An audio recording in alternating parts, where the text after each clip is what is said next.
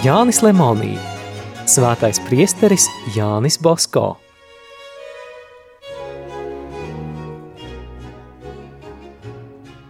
Trešās daļas sastā nodaļa – Salezijāņu kongregācijas regulas apstiprināšana. Kaut gan priesteris Bosko skaidri zināja, ka viņa darbs nākotnē sazarosies, tomēr viņš dažus gadus nepieņēma priekšlikumus atvērt jaunas iestādes. Jānim Bosko tagad rūpēja divi daudz svarīgāki jautājumi – saņemt galīgu Salezijāņu kongregācijas apstiprinājumu – un parūpēties par jauno bīskapu nozīmēšanu no valdības puses. 1873. gada 18. februārī sava sekretāra Joahima Berto pavadībā Jānis Bosko atkal devās uz Romu. Viņš brauca caur Boloņu un Florenci. Boloņā viņu svinīgi pieņēma turienes arhibīskaps, kardināls Monikīnī. Viņš aizsūtīja uz staciju dažus kanoniķus un lika pasakīt priesterim Bosko, ka viņu tūlīt ekskomunicēšot, ja viņš neapstāšoties Boloņā un neaizbraukšot uz viņa pili. Stundu uzkavējies šajā pilsētā priesteris Bosko devās uz Florenci. Šoreiz ceļā gadījās nelaime. Iebraucot kādā tunelī, kaut kā izļodzījās viena dzelzceļa sliede. Vilciens būtu nogāzies no augsta kalna, ja nebūtu laikus apturēts. Pēkšņā un ilgā apstāšanās, bet sevišķi ziņa par briesmām uztrauca ceļotājus. Kad ceļinieki uzzināja, ka vilcienā ir priesteris Bosko no Turīnas, visi nomierinājās. Kāda ievērojama persona dziļi nopūtās: Paldies Dievam, ja te ir Jānis Bosko, tad nav jāpīstas. Kaut arī mēs no kalna noveltos, viņa klātbūtnē nekas ļauns nenotiktu. 24. februāra vakarā priesteris Bosko jau bija Romā. Atkal cilvēki sāka pie viņa plūst bariem. Pīs 9. Jāni Bosko kā parasti pieņēma ļoti laipni un piešķīra viņam dažādas privilēģijas – Jānis Bosko tūliņ viņam iesniedza lūgumu, lai galīgi tiktu apstiprināta Salesiāņu kongregācijas regula, un lai tai būtu uz visiem laikiem tiesības savus semināristus iesvētīt pie jebkura bīskapa. Tomēr šo apstiprinājumu iegūt no Vatikāna bija grūtāk nekā ar Itālijas valdību vienoties par bīskapu apstiprināšanu.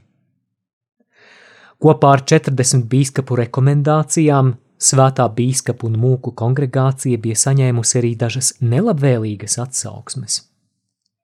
Pretinieku vidū bija arī tas, kuram būtu vajadzējis būt vislielākajam palīgam - Turīnas arhibīskaps. Arī šoreiz Jānim Bosko bija no Romas jāizbrauc tukšām rokām.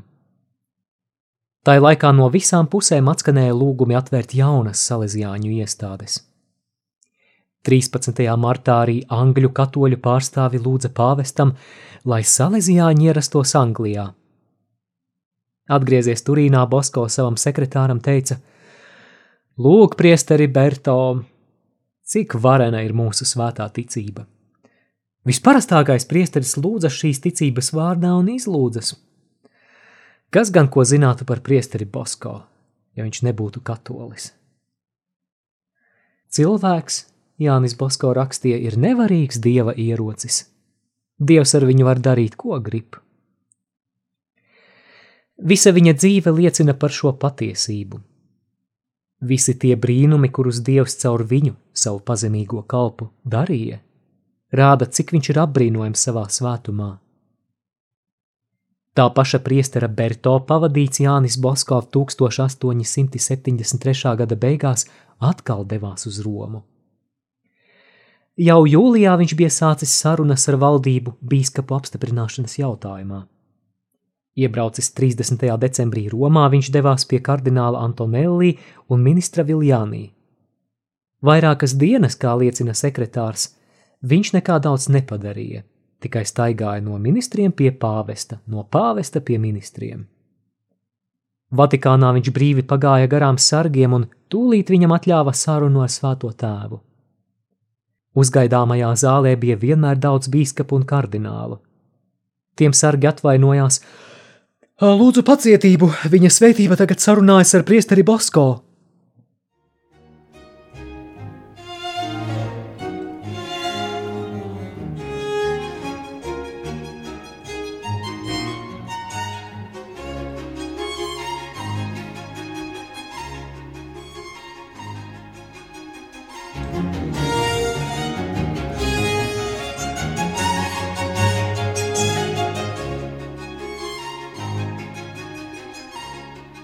Izrunājies ar pāvestu, viņš gāja pie ministra Viljānī. Arī viņa uzgaidāmā zāle bija cilvēku pilna, bet ierēdnis priesteri Bosko tūliņ ieveda pie ministra. Priestara Bosko dēļ esmu ar mieru atstāt ministriju un parlamentu. Nāciet, kad vien gribat! Ja sarunās būtu izspriežams kāds politisks jautājums, sen jau būtu bijis iespējams vienoties. Par nelaimi vislielāko šķēršļus radīja protestanti. Brīvdomātāju laikraksts uzbruka priesterim Bosko un viņu apvainoja, ka tas mēģinot samierināt baznīcu ar valsti. Kādā lielā cieņā bija priesteris Bosko valdības aprindās, var redzēt no tā, ka tieslietu ministrs aizliedza sarīkot gavēņa laikā kolizējā dejas. Varbūt ministrus un arī citus valdības locekļus apbūra priestera Bosko vienkāršība un atklātība. Tā, piemēram, 15. janvārī Jānis Bosko tikās ar Sismondī kungu un sacīja: Katreiz es beigšu šo krustaceļu no Vatikāna uz dažādām ministrijām. Varbūt palūksimies. Mūsu zēni jau vairākas dienas lūdzas, lai viss laimīgi beigtos. Sarunas taisnība ir jau beigušās. Pirmdien valdība sāks izsūtīt paziņojumu par bīskapu apstiprināšanu. Zināms, ka tajā laikā arī ļaunais nerimsies – Vai nav savādi? Šo jautājumu bija tik grūti izspriest. Tas vēl vairāk sadusmoja. Bet vienkārši Turīnas priesteris skaties, ko izdarīja. Lūk, Dievs tiešām joko ar pasauli. Svarīga darba veikšanai tiešām izvēloties visvienkāršāko ieroci. Pats nesaprota. Bet tagad jau viss ir it kā pabeigts. Tomēr brīvdomātāju prese atkal trokšņoja. Pat tādi katoļu dienas laikraksti kā La Voce della Verita un L'Osservatore Romano sāka rakstīt pret priesteri Bosko. Troksnis nepalika bez nelabvēlīgām sekām. Ieradās arī Bismarks. Tas sāka protestēt pret to, ka Itālijas valdība runājot ar priesteri. Lūk, tādēļ viņa ķeizars esot ļoti sadusmojies Ja sarunas ar Vatikānu tūliņ nepārtraukšot, viss varot atgadīties. Ko darīt? domāja Viljānī. Mūsu liktenis ir Prūsijas rokās. Tā ilgi un gudri kārtotajām sarunām ārēju iemeslu dēļ bija jāpārtrūkst. Tomēr vēsture nevarēja aizmirst priesteri Bosko pūles un arī neaizmirsa. Tajos laikos Itālijā viņš bija vienīgais drosmīgais cīnītājs par baznīcas tiesībām. Tajā pašā laikā viņš ieradās Vatikānā arī savas kongregācijas apstiprināšanas dēļ. Šķēršļi vēl vienmēr bija, varbūt pat lielāki. Bez sevišķas dieva palīdzības priesteris Bosko nebūtu nekad tos pārvarējis.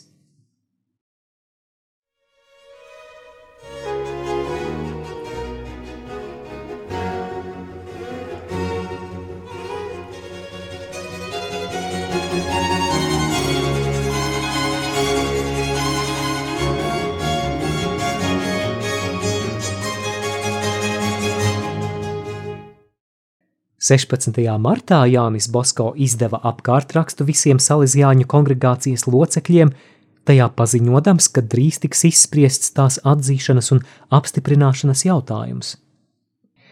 Viņš aicināja visus salīzjāņus un audzēkņus lūgt biskupu un mūku kongregācijas locekļiem svētā gara gaismu. Bez tam salīzjāņiem un Marijas kristīgo palīdzības meitām viņš noteica trīs dienu gavēni, un īpašas kopīgas lūkšanas no 21. līdz 28. martam. Pirmā kongregācijas sapulce bija 24. martā un beidzās labi. 31. martā sapulcējās četru kardinālu komisija. Sēde ilga no 9. līdz 13. aprīlim. Visi apstiprināja Salesiāņu kongregācijas regulu ad experimentum, izmēģināšanai, bet drīz arī uz visiem laikiem. 3. aprīlī lielajā piekdienā monsignors Vitelleskī nodeva komisijas lēmumu svētajam tēvam. Pīs 9. pārlasīja protokolu un teica: To vienu balsi, kuras trūkst, es pievienošu. Viņš lika sagatavot galīgās apstiprināšanas dekrētu. Laikraksti La Riforma, La Capitāle un citi apvainojoši ķengāja svēto krēslu par šī dekrēta izdošanu. Dekrētu izdeva 13. aprīlī. Tikko Bosko to saņēma, viņš priecīgo ziņu pavēstīja arhibīskapam Gastaldi un Valdoko oratorijai. Tur kopā ar prieka dziesmām uz debesīm aizlidoja priestera Francesco Provero dvēseli.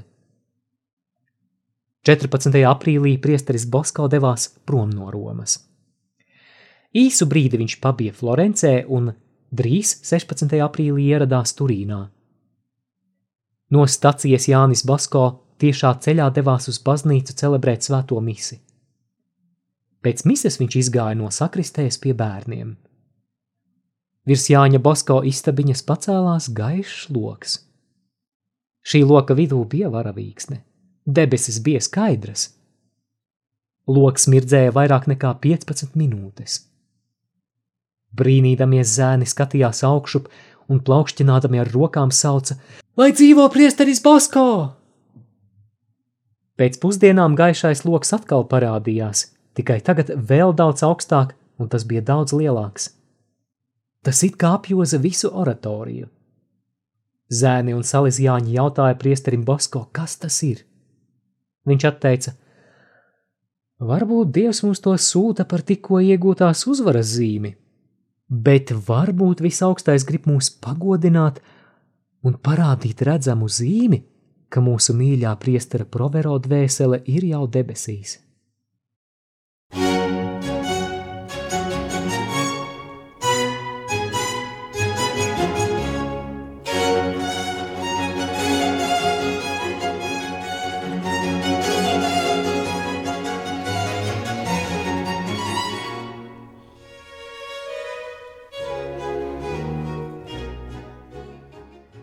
Svētdien visa oratorija pateicās Dievam par sevišķo palīdzību un gādību.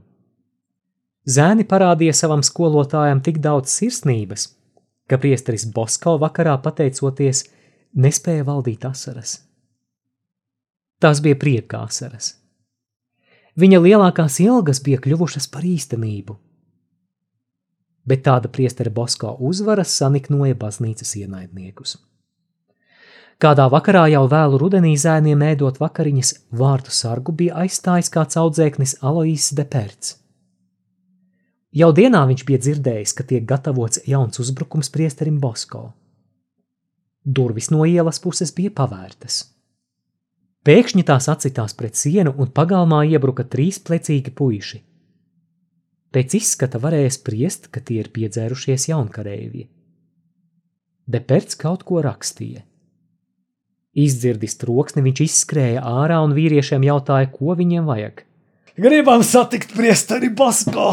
Tie atcirta. Atvainojiet, bet šovakar tas nav iespējams, ir jau vēls. Lūdzu, atnāciet rīt. Nē, mums ar viņu jārunā šovakar, katrā ziņā. Atkārtoju, šovakar nevar. Tagad viņš ēd vakariņas, bet ir jau nakts. Nav vairs pieņemšanas laiks. To teicis Deperts tos vadīja atpakaļ uz durvju pusi. Klaidoņiem izējot uz ielas, puisis gribēja aizslēgt durvis, bet tie ar pleciem centās tās atgrūst vaļā. Deperts atspērās ar kāju pret sienu un izstūma neliešus laukā. Nelieši, redzēdami, ka iekšā nespēs ielausties, nolēma kaut kā atriepties. Aizslēpies aiz biedru mugurām, viens no iebrucējiem ātri izvilka paisu durkli un dūra depertam tieši sirdī. Šeit tev suns, tas, kas bija lemts tavam kungam, caur sakostiem zobiem viņš izgrūda. Tad visi pa galvu pa kaklu metās bēgt. Uzticīgais un drosmīgais jauneklis iekliedzās un noplūda asinīm. Tūliņ viņu aizveda uz svētā Maurīcijas slimnīcu, un labāko ārstu rūpīgi dziedināts viņš pēc divām nedēļām sāka atveseļoties. Kas šie slepkavas bija un kas tos bija sūtījis uz priestera mājām. Policija negribēja tos sagūstīt. Redzēsim, ka tādi uzbrukumi arī vēlāk nesagādās pilsoņu drošības sargiem rūpes.